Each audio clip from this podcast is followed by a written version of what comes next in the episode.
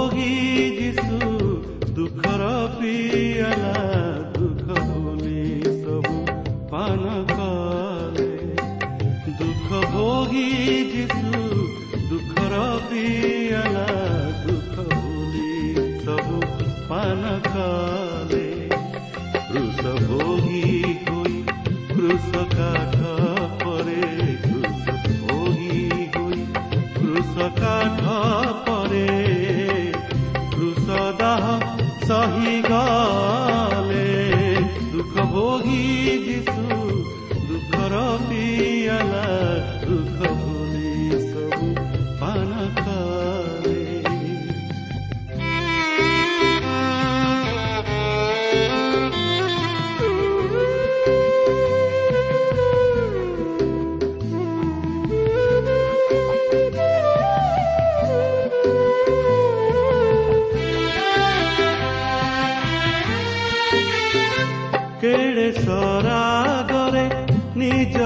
ହାତେ ପୁଣି ଯାହାକୁ ସେ ଗଢ଼ିଥିଲେ।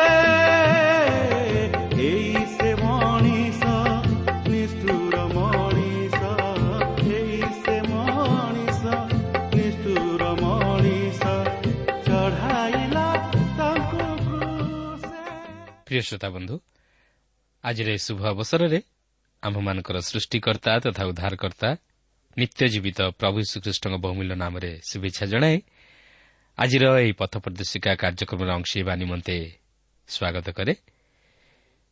ଆପଣ ଆପଣଙ୍କର ବହୁମୂଲ୍ୟ ସମୟ ଦେଇ ଆଜିର ଏହି କାର୍ଯ୍ୟକ୍ରମ ଶୁଣିବା ନିମନ୍ତେ ରେଡିଓ ପାଖରେ ଅପେକ୍ଷା କରି ବସିଥିବାର ଜାଣି ଆମେ ବିଶେଷ ଖୁସି କେବଳ ସେତିକି ନୁହେଁ ଆପଣଙ୍କର ମତାମତ ତଥା ହୃଦୟସ୍ପର୍ଶୀ ସାକ୍ଷ୍ୟ ନିମନ୍ତେ ବିଶେଷ ଧନ୍ୟବାଦ।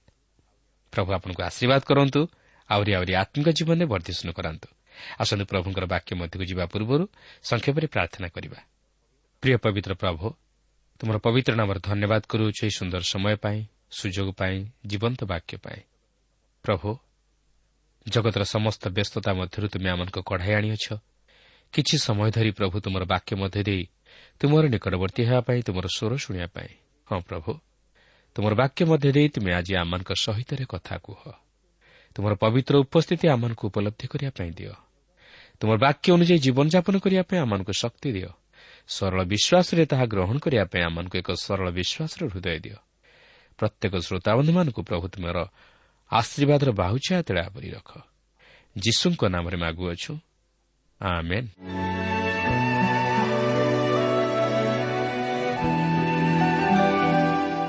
ଆସନ୍ତୁ ବର୍ତ୍ତମାନ ଆମେ ପ୍ରଭୁଙ୍କର ବାକ୍ୟ ମଧ୍ୟକୁ ଯିବା। ଆଜି ଆମେ ପବିତ୍ର ବାଇବେଲ ମଧ୍ୟରୁ ପୁରାତନ ନିୟମର ଆଉ ଏକ ନୂତନ ପୁସ୍ତକ ଅଧ୍ୟୟନ କରିବାକୁ ଯିବା ତାହା ହେଉଛି ପ୍ରଥମ ରାଜାବଳୀ ପୁସ୍ତକ।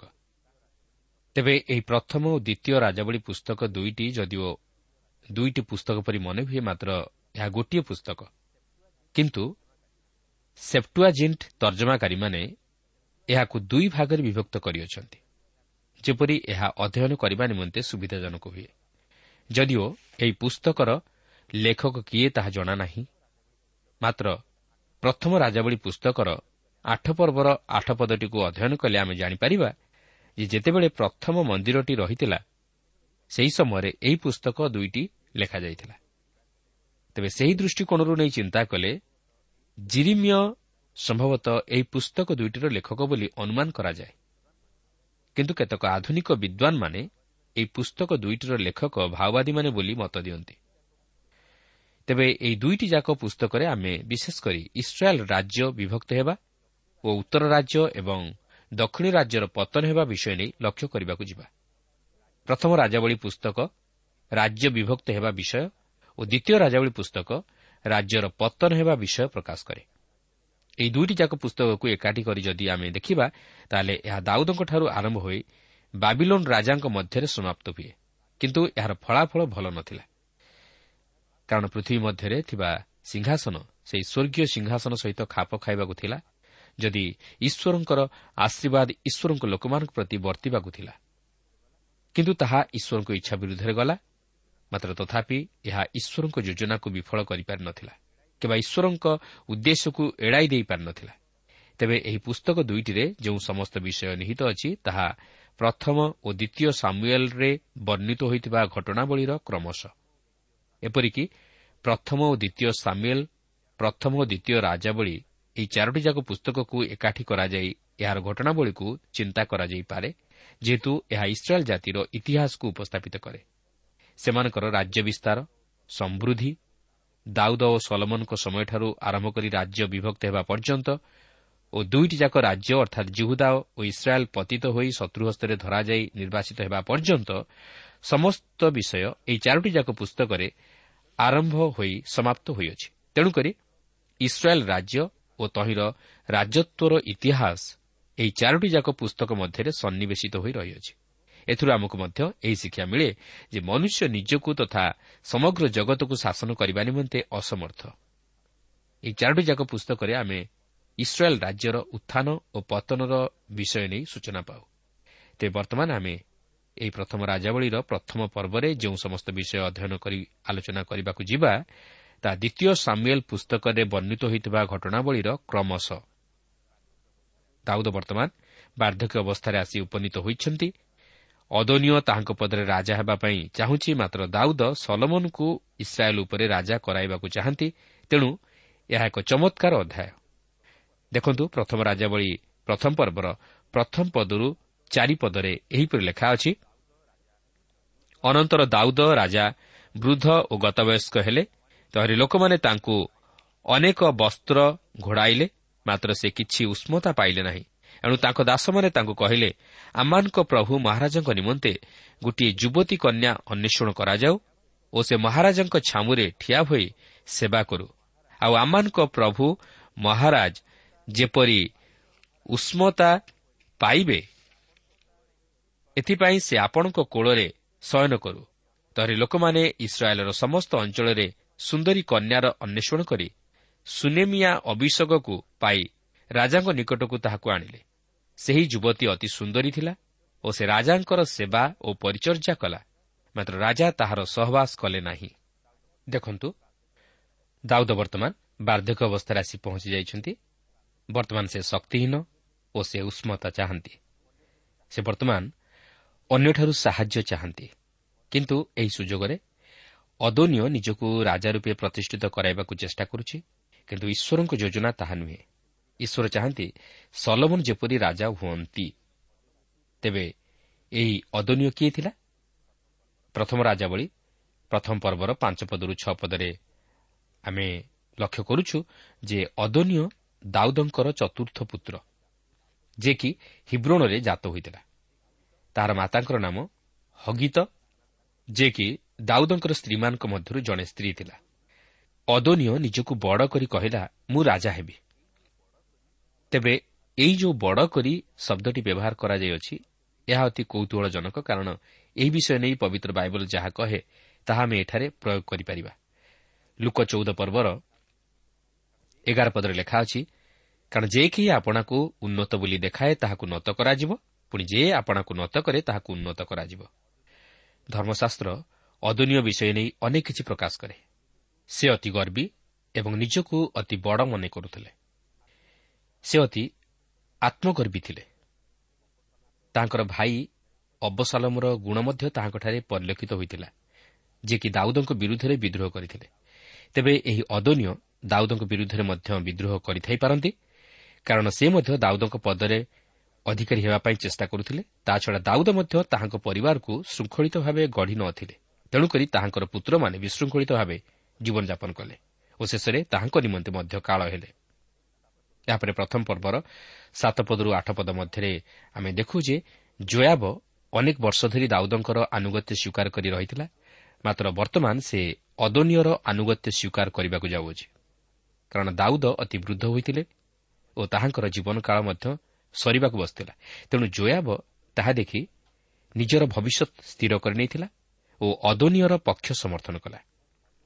କାରଣ ଅଦନୀୟ ଜଣେ ମାତ୍ର ଥିଲା ଯିଏକି ଦାଉଦଙ୍କର ପଦ ନିମନ୍ତେ ଲାଳାୟିତ ଥିଲା ଓ ତାହା ଅଧିକାର କରିବା ନିମନ୍ତେ ପଦକ୍ଷେପ ଗ୍ରହଣ କରିଥିଲା।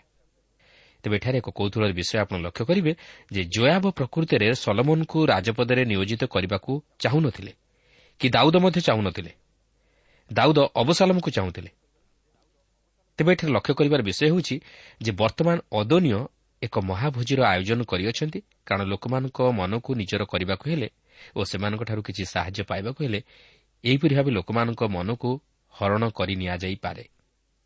ପ୍ରଥମ ପର୍ବର ନଅ ପଦରେ ଲେଖା ଅଛି ଏଉତାରେ ଅଦନୀୟ ଅଇନ୍ ରେଗଲ୍ର ପାର୍ଶ୍ୱସ୍ଥ ସୋହେଲ ପ୍ରସ୍ତର ନିକଟରେ ମେଷ ବୃଷ ଓ ପୁଷ୍ଟ ପଶୁମାନଙ୍କୁ ମାରି ଆପଣା ଭ୍ରାତା ସମସ୍ତ ରାଜପୁତ୍ରଙ୍କୁ ଓ ରାଜାଙ୍କ ଦାସ ଜିହୁଦାର ସମସ୍ତ ଲୋକଙ୍କୁ ନିମନ୍ତ୍ରଣ କଲା। ଅଦନୀୟର ଚିନ୍ତାଧାରା ଥିଲା ଯେ ସେ ସେହି ଭୋଜିରେ ସମସ୍ତ ଲୋକମାନଙ୍କ ସମ୍ମୁଖରେ ନିଜକୁ ରାଜା ବୋଲି ସ୍ୱୀକାର କରିବ। କାରଣ ଜ୍ୟେଷ୍ଠାଧିକାର ସ୍ୱରୂପେ ସେ ସମ୍ଭବତଃ ସିଂହାସନର ଅଧିକାରୀ ହେବା ନିମନ୍ତେ ଦାବି କରୁଥିଲା। ଆମେ ମଧ୍ୟ ଜାଣୁ ଯେ ସେ ସଲମନଙ୍କଠାରୁ ବଡ଼ ଥିଲା। ଏବଂ ସେହି ସମୟର ନିୟମ ଅନୁଯାୟୀ ଜ୍ୟେଷ୍ଠପୁତ୍ର ପିତାଙ୍କ ପରେ ସେହି ରାଜମୁକୁଟର ଅଧିକାରୀ ହେବାକୁ ଥିଲା। ତେବେ ସେହି ସମୟକୁ ଅବସାଲମ ମରିଯାଇଥିଲେ ତେଣୁକରି ତାହାଙ୍କ ପରେ ଅଦନୀୟ ସେହି ପଦର ଅଧିକାରୀ ହେବା ଆକାଂକ୍ଷାରେ ନିଜକୁ ରାଜା ବୋଲି ଘୋଷିତ କରିବାକୁ ଚାହୁଁଥିଲା। ତେବେ ସଲମନକୁ ଉପେକ୍ଷା କରି ଅନ୍ୟ ରାଜପୁତ୍ରମାନଙ୍କୁ ସେହି ଭୋଜିରେ ଅଂଶୀ ହେବା ନିମନ୍ତେ ନିମନ୍ତ୍ରଣ କରିବା ଅଦନୀୟର ସାହସିକତାର କାର୍ଯ୍ୟ ବୋଲି ଅନୁମିତ ହୁଏ। ଏହାପରେ ପ୍ରଥମ ରାଜାବଳୀ ପ୍ରଥମ ପର୍ବର ଦଶ ପଦରେ ଆମେ ଦେଖୁ ଯେ ଅଦନୀୟ ଜାଣିଥିଲା ଯେ ନାଥନ୍ ବତ୍ସେବାର ପକ୍ଷ ନେବ। ନାଥନ୍ ଯିଏକି ଦାଉଦଙ୍କର ସେହି ପାପ କରିବା ସମୟରେ ତାହାଙ୍କୁ ଉପଯୁକ୍ତ ଶିକ୍ଷା ଓ ଚେତନା ଦେଇ ଅନୁଯୋଗ କରିଥିଲେ। ବତ୍ସେବା ପ୍ରକୃତରେ ସଲମନଙ୍କ ମାତା ଥିଲେ। ବର୍ତ୍ତମାନ ନାଥନ୍ ବତ୍ସେବା ପାଖକୁ ଯାଉଛନ୍ତି ସଲମନଙ୍କୁ ରାଜା ରୂପେ ପ୍ରତିଷ୍ଠିତ କରିବା ନେଇ ଯୋଜନା କରିବା ନିମନ୍ତେ। ପ୍ରଥମ ପର୍ବର ଏଗାର ପଦରୁ ତେର ପଦ ମଧ୍ୟରେ ଆମେ ଦେଖୁଛୁ ଯେ ଅଦନୀୟ ଦାଉଦଙ୍କୁ କିଛି ନ ଜଣାଇ ନିଜକୁ ରାଜା ବୋଲି ପ୍ରତିଷ୍ଠିତ କରାଇବା ନିମନ୍ତେ ଦାଉଦଙ୍କ ପଛରେ ଗୁପ୍ତ ମନ୍ତ୍ରଣା କରିଥିଲା। ତେଣୁ ନାଥନ୍ ତାହା ଜାଣିପାରି ବତ୍ସବା ନିକଟକୁ ଯାଉଛନ୍ତି ଅଦନୀୟର ଯୋଜନାକୁ ବ୍ୟର୍ଥ କରିବା ନିମନ୍ତେ। ବତ୍ସେବା ତାହାର ଦ୍ୱିତୀୟ ପୁତ୍ରକୁ ପ୍ରସବ କରିବା ପରେ ଯେତେବେଳେ କି ପ୍ରଥମ ପୁତ୍ର ମରିଯାଇଥିଲା ଦାଉଦ ବତ୍ସେବାକୁ ପ୍ରତିଜ୍ଞା କରି କହିଥିଲେ ଯେ ସେହି ଦ୍ୱିତୀୟ ପୁତ୍ର ତାହାଙ୍କ ପଦରେ ରାଜ୍ୟ କରିବ। ଆଉ ସେହି ପୁତ୍ର ହେଉଛନ୍ତି ସଲମନ୍। କିନ୍ତୁ ବର୍ତ୍ତମାନ ସେ ସଲମନ୍କୁ ତାହାଙ୍କ ପଦରେ ରାଜା କରାଇବା ନିମନ୍ତେ କୌଣସି ପଦକ୍ଷେପ ନେଉନାହାନ୍ତି ଏହାପରେ ଚଉଦ ପଦରେ ଆମେ ଦେଖୁଛୁ ଯେ ନାଥନ ଏଠାରେ କହିବାକୁ ଚାହାନ୍ତି ଯେ ସଲମନ୍କୁ ରାଜପଦରେ ପ୍ରତିଷ୍ଠିତ କରାଇବା ନିମନ୍ତେ ତାହାଙ୍କର ଅନେକ ଦୃଢ଼ ବିଷୟ ରହିଅଛି ତେଣୁକରି ସେ ବତ୍ସେବାକୁ କହନ୍ତି ତୁମ୍ଭେ ଯାହା ସବୁ ଦେଖୁଅଛ ତାହା ସବୁ ଦାଉଦଙ୍କୁ କୁହ ଓ ମୁଁ ମଧ୍ୟ ତୁମ୍ଭ କଥାକୁ ସମର୍ଥନ କରିବି। ଏହାପରେ ପନ୍ଦରରୁ ଷୋହଳ ପଦରେ ଆମେ ଦେଖୁ ଯେ ଯାହା ଜଣାଯାଏ ଦାଉଦ ବୋଧହୁଏ ଅନେକ ସମୟ ଧରି ବତ୍ସେବାକୁ ଦେଖିନଥିଲେ। ଏହାପରେ ସତରରୁ କୋଡ଼ିଏ ପଦ ମଧ୍ୟରେ ଆମେ ଦେଖୁ ଯେ ଦାଉଦ ତାହାଙ୍କର ପୁତ୍ରମାନଙ୍କ ମଧ୍ୟରୁ କାହାରିକୁ ତାହାଙ୍କ ପଦରେ ରାଜା ହେବା ନିମନ୍ତେ ମନୋନୀତ କରିନଥିଲେ। ସମ୍ଭବତଃ ଅଦନୀୟ ଦେଖିବାକୁ ଅତି ସୁନ୍ଦର ଓ ଆକର୍ଷଣୀୟ ଥିଲେ। ତେଣୁକରି ଅନେକ ଲୋକ ବୋଧହୁଏ ତାହାଙ୍କୁ ଦାଉଦଙ୍କ ପରେ ରାଜା ରୂପେ ପ୍ରତିଷ୍ଠିତ କରାଇବାକୁ ଚାହିଁଥିଲେ। ଏହାପରେ ଏକୋଇଶରୁ ଚବିଶ ପଦ ମଧ୍ୟରେ ଆମେ ଲକ୍ଷ୍ୟ କରିବାକୁ ପାରୁ ଯେ ନାଥନ ବତ୍ସେବା ଜାଣିବାକୁ ଚାହିଁଥିଲେ ଯେ ଦାଉଦ ଅଦନୀୟକୁ ରାଜା ରୂପେ ମନୋନୀତ କରିଛନ୍ତି କି ନାହିଁ। ମାତ୍ର ଦାଉଦ ସେହି ବିଷୟ ନେଇ କିଛି ଜାଣିନଥିଲେ। ଏହାପରେ ଅଠେଇଶରୁ ତିରିଶ ପଦ ମଧ୍ୟରେ ଆମେ ଦେଖୁ ଯେ ଯେତେବେଳେ ଦାଉଦ ସଲମନଙ୍କ ବିଷୟ ନେଇ ବତ୍ସେବାକୁ କହିଲେ ସେତେବେଳେ ସେ କହନ୍ତି ତୁମ୍ଭ ପୁତ୍ର। ମାତ୍ର ଆମ୍ଭ ପୁତ୍ର ବୋଲି କହନ୍ତି ନାହିଁ। ଏଥିରୁ ଜଣାପଡ଼େ ଯେ ଦାଉଦ ସଲମନଙ୍କ ବିଷୟ ନେଇ ସେତେ ଦୂର ଆଗ୍ରହୀ ନଥିଲେ। ଏହାପରେ ପ୍ରଥମ ପର୍ବର ଏକତିରିଶରୁ ତେତିଶ ପଦ ମଧ୍ୟରେ ଆମେ ଦେଖୁ ଲେଖା ଅଛି ତହୁଁ ବତ୍ସେବା ଭୂମିରେ ମୁହଁ ମାଡ଼ି ରାଜାଙ୍କୁ ପ୍ରଣାମ କରି କହିଲା ମୋ ପ୍ରଭୁ ମହାରାଜ ଦାଉଦ ଚିରଜୀବୀ ହୁଅନ୍ତୁ। ଏଥିରେ ଦାଉଦ ରାଜା କହିଲେ ସାଦକ ଯାଜକକୁ ଓ ନାଥନ ଭବିଷ୍ୟତ ବକ୍ତାଙ୍କୁ ଓ ଜିହୟାଦାର ପୁତ୍ର ବନାୟକୁ ମୋ କତିକି ଡାକ। ଏଣୁ ସେମାନେ ରାଜାଙ୍କ ସମ୍ମୁଖକୁ ଆସିଲେ। ତରେ ରାଜା ସେମାନଙ୍କୁ କହିଲେ ତୁମେମାନେ ଆପଣା ପ୍ରଭୁଙ୍କ ଦାସମାନଙ୍କୁ ସଙ୍ଗେ ନେଇ ଓ ମୋ ପୁତ୍ର ସଲମନକୁ ମୋ ନିଜ ଖଚରରେ ଆରୋହଣ କରାଇ ଗିହୋନ୍କୁ ଆଣ। ଦେଖନ୍ତୁ ଖଚର ଏକ ପ୍ରକାର ପ୍ରାଣୀ ଥିଲା ଯାହା ଉପରେ ରାଜାମାନେ ଚଢ଼ି ଯାତ୍ରା କରୁଥିଲେ ଓ ଘୋଡ଼ା ଉପରେ ବସି ଯୁଦ୍ଧ କରିବାକୁ ଯାଉଥିଲେ। ଆମମାନଙ୍କର ପ୍ରଭୁ ଶ୍ରୀଖ୍ରୀଷ୍ଟ ଯେତେବେଳେ ଏହି ଜଗତରେ ଥିଲେ ସେ ଏକ ଗଧଛୁଆ ଉପରେ ଆରୋହଣ କରିଥିଲେ। ମାତ୍ର ପ୍ରକାଶିତ ବାକ୍ୟରେ ଲେଖାଯାଏ ସେ ଯେତେବେଳେ ପୁନର୍ବାର ଏହି ଜଗତକୁ ଆଗମନ କରିବେ ସେ ଶ୍ୱେତ ଅଶ୍ୱ ଉପରେ ଚଢ଼ି ଆଗମନ କରିବେ ଯାହାକି ତାହାଙ୍କର ବିଚାରକୁ ଦର୍ଶାଏ। କାରଣ ସେ ଏହି ଜଗତର ବିଚାର କରିବାକୁ ଆସୁଅଛନ୍ତି। ବର୍ତ୍ତମାନ ସଲମନ ଏକ ଖଚର ଉପରେ ଆରୋହଣ କରିବାକୁ ଯାଉଅଛନ୍ତି ରାଜପଦରେ ଅଭିଷିକ୍ତ ହେବା ପାଇଁ। ପ୍ରଥମ ପର୍ବର ଅଠତିରିଶ ଓ ଅଣଚାଳିଶ ପଦରେ ଆମେ ଦେଖୁ ଯେ ଦାଉଦ ଯେ ସଲମନକୁ ରାଜା ରୂପେ ମନୋନୀତ କରିଅଛନ୍ତି ଓ ସଲମନ ଯେ ରାଜପଦରେ ଅଭିଯୁକ୍ତ ହୋଇଅଛନ୍ତି ଏଥିରେ ସନ୍ଦେହ ନାହିଁ। ସଲମନ ବର୍ତ୍ତମାନ ଦାଉଦଙ୍କ ପଦରେ ରାଜତ୍ୱ କରିବା ପାଇଁ ଯାଉଅଛନ୍ତି। ପ୍ରଥମ ପର୍ବର ଚାଳିଶରୁ ଏକଚାଳିଶ ପଦ ମଧ୍ୟରେ ଆମେ ଲକ୍ଷ୍ୟ କରିବାକୁ ପାରୁ ଯେ ସଲମନ ଯେ ବର୍ତ୍ତମାନ ରାଜପଦରେ ଅଭିଯୁକ୍ତ ହୋଇଛନ୍ତି ଏହା ସମଗ୍ର ଇସ୍ରାଏଲ୍ ଜାଣିବାକୁ ପାରିଲେ।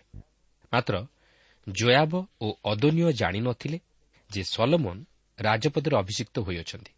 ତେଣୁ ସେ ସେହି କୋଳାହଳର ଅଭିପ୍ରାୟ କିଛି ବୁଝି ନ ପାରିବାରୁ ତହିଁର କାରଣ ପଚାରି ବୁଝିବାକୁ ଯାଉଥିବା ସମୟରେ ସେହି ସମ୍ବାଦବାହକ ଅଦନୀୟକୁ ଏହିପରି କହିଲା ଯାହାକି ପ୍ରଥମ ପର୍ବର ବୟାଳିଶରୁ ଅଡ଼ଚାଳିଶ ପଦରେ ଲେଖା ଅଛି ତେବେ ମୁଁ ତାହା ପାଠ କରିବା ପାଇଁ ଯାଉନାହିଁ।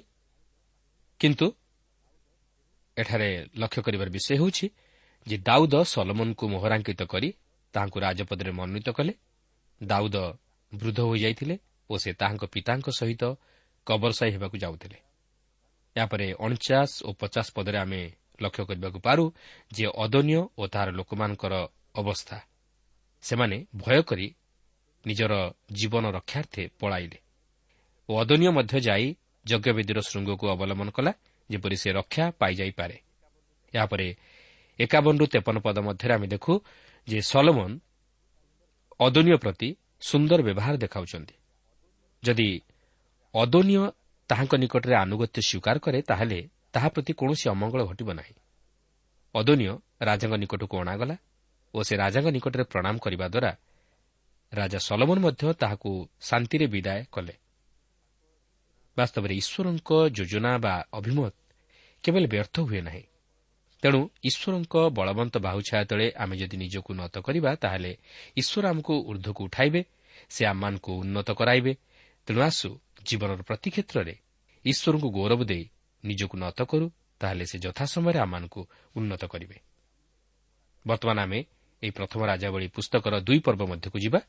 ଏହି ଦୁଇ ପର୍ବରେ ଦାଉଦ ତାହାଙ୍କ ମୃତ୍ୟୁଶଯ୍ୟାରେ ଥାଇ ସଲମନଙ୍କୁ ସେହି ଦାୟିତ୍ୱଭାର ଅର୍ପଣ କରନ୍ତି ଓ ସଲମନ ରାଜତ୍ୱ କରିବାକୁ ଆରମ୍ଭ କରନ୍ତି। ଏହି ପର୍ବଟି ଦାଉଦଙ୍କର ସଲମନଙ୍କ ପ୍ରତି ଶେଷ ପରାମର୍ଶ ଦେବା ଓ ସଲମନ ସେହି ସମସ୍ତକୁ ବୁଦ୍ଧିର ସହିତ ସମ୍ପାଦନ କରିବା ବିଷୟକୁ ପ୍ରକାଶ କରେ।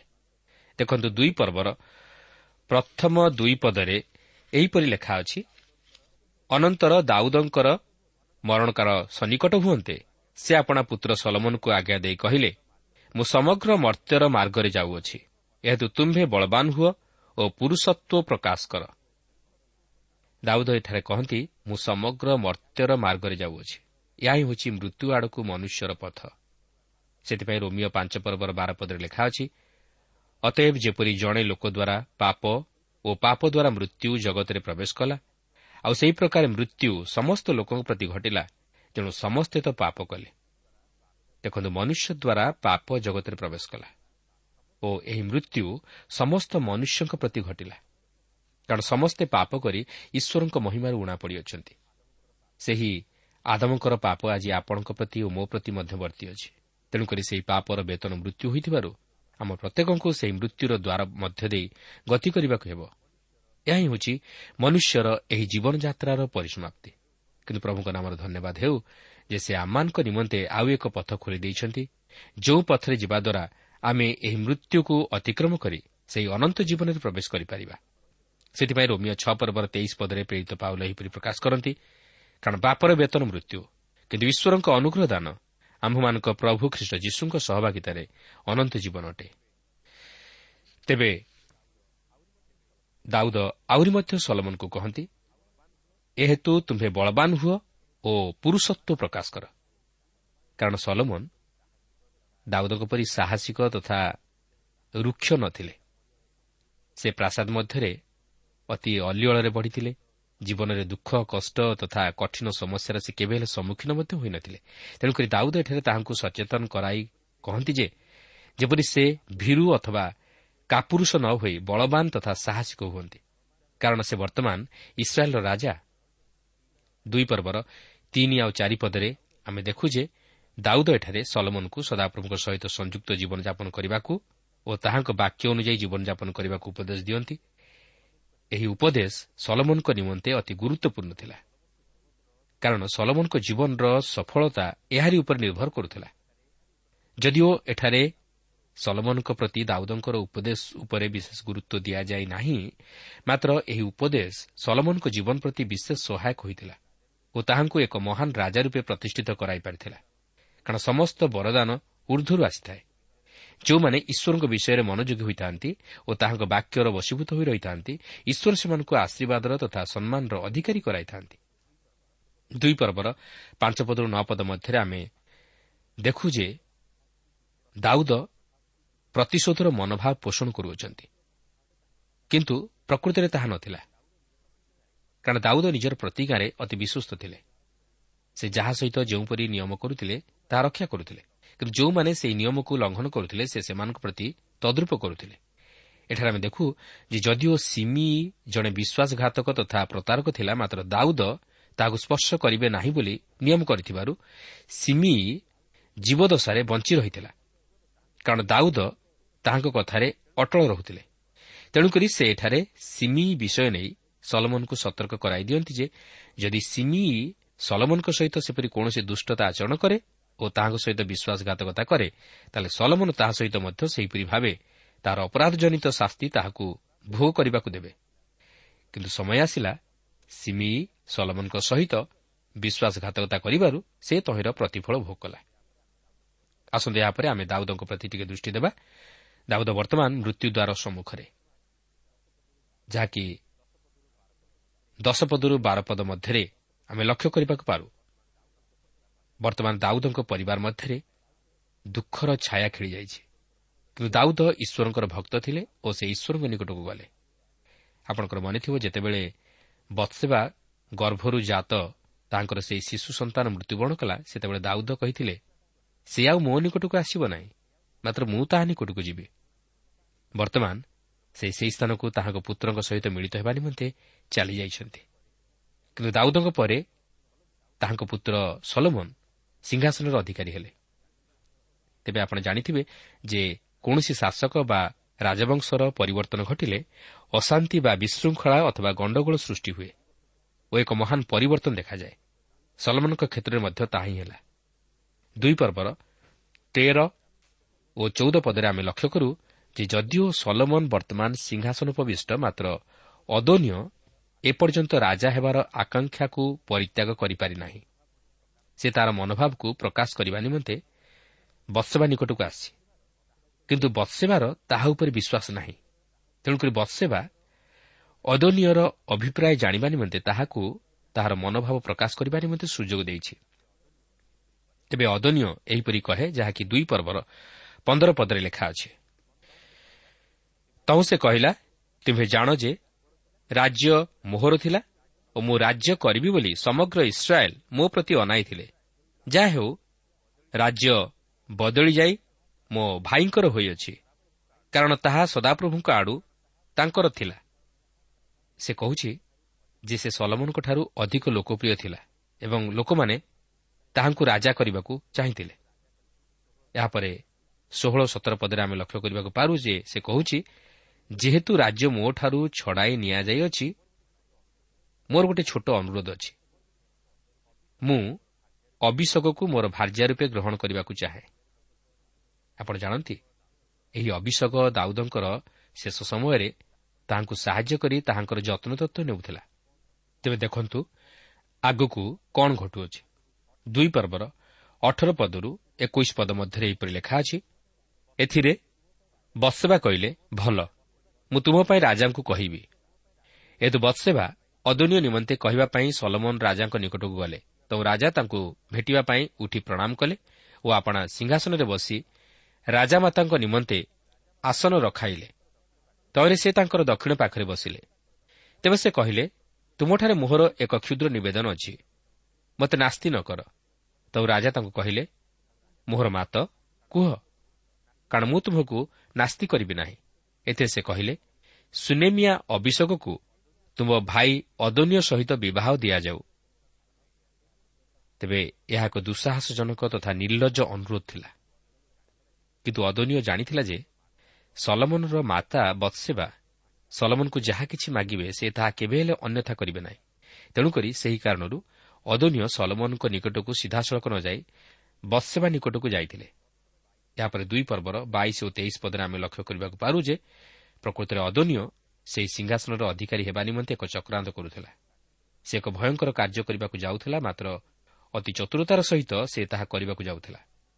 ଅଦନୀୟ ସଲମନଙ୍କର ବଡ଼ ଭାଇ ଥିଲା ଓ ଦାଉଦ ସେହି ସିଂହାସନର ଉତ୍ତରାଧିକାରୀ ବ୍ୟକ୍ତି କିଏ ହେବ ତାହା ମନୋନୀତ କରିବା ପୂର୍ବରୁ ସଲୋମନ ଅଦନୀୟର ମନୋଭାବକୁ ଜାଣିଥିଲେ ଯେ ସେ ସିଂହାସନ ପାଇଁ ବିଶେଷ ଲାଳାୟିତ ଅଛି। ତେବେ ବତ୍ସେବା ଯଦିଓ ଅଦନୀୟର ଚକ୍ରାନ୍ତକୁ ସେ ପର୍ଯ୍ୟନ୍ତ ବୁଝିପାରିନଥିଲେ ମାତ୍ର ସଲମନ ତାହା ବୁଝିପାରିଥିଲେ। ତେଣୁକରି ଦୁଇ ପର୍ବର ଚବିଶ ପଦରୁ ଛୟାଳିଶ ପଦ ମଧ୍ୟରେ ଆମେ ଦେଖୁ ଯେ ରାଜା ସଲମନ ତାଙ୍କର ସମସ୍ତ ଶତ୍ରୁମାନଙ୍କୁ ଗୋଟିଏ ପରେ ଗୋଟିଏ ବିନଷ୍ଟ କଲେ ଏବଂ ତାହାଙ୍କର ରାଜସିଂହାସନକୁ ସୁଦୃଢ଼ କଲେ। ପ୍ରିୟ ବନ୍ଧୁ ଯେଉଁମାନେ ଈଶ୍ୱରଙ୍କ ଇଚ୍ଛା ବିରୁଦ୍ଧରେ ଯାଇ କାର୍ଯ୍ୟ କରନ୍ତି ସେମାନଙ୍କର ଦଶା ଠିକ୍ ଏହିପରି ହୁଏ। ଈଶ୍ୱରଙ୍କ ଯୋଜନା ଥିଲା ସଲମନ ସିଂହାସନର ଅଧିକାରୀ ହେବେ। ମାତ୍ର ଯେଉଁମାନେ ସେଥି ନିମନ୍ତେ ପ୍ରତିବନ୍ଧକ ସୃଷ୍ଟି କଲେ ଓ ପ୍ରତିବାଦ କଲେ ସେମାନେ ଉଚ୍ଛିନ୍ନ ହେଲେ। ତେଣୁ ଆସୁ ସବୁ ଅବସ୍ଥାରେ ଈଶ୍ୱରଙ୍କର ଇଚ୍ଛାକୁ ମାନି ନେଇ ତାହାଙ୍କର ବଶୀଭୂତ ହେବା ପାଇଁ ଚେଷ୍ଟା କରୁ। ପ୍ରଭୁ ପ୍ରତ୍ୟେକଙ୍କୁ ଆଶୀର୍ବାଦ କରନ୍ତୁ।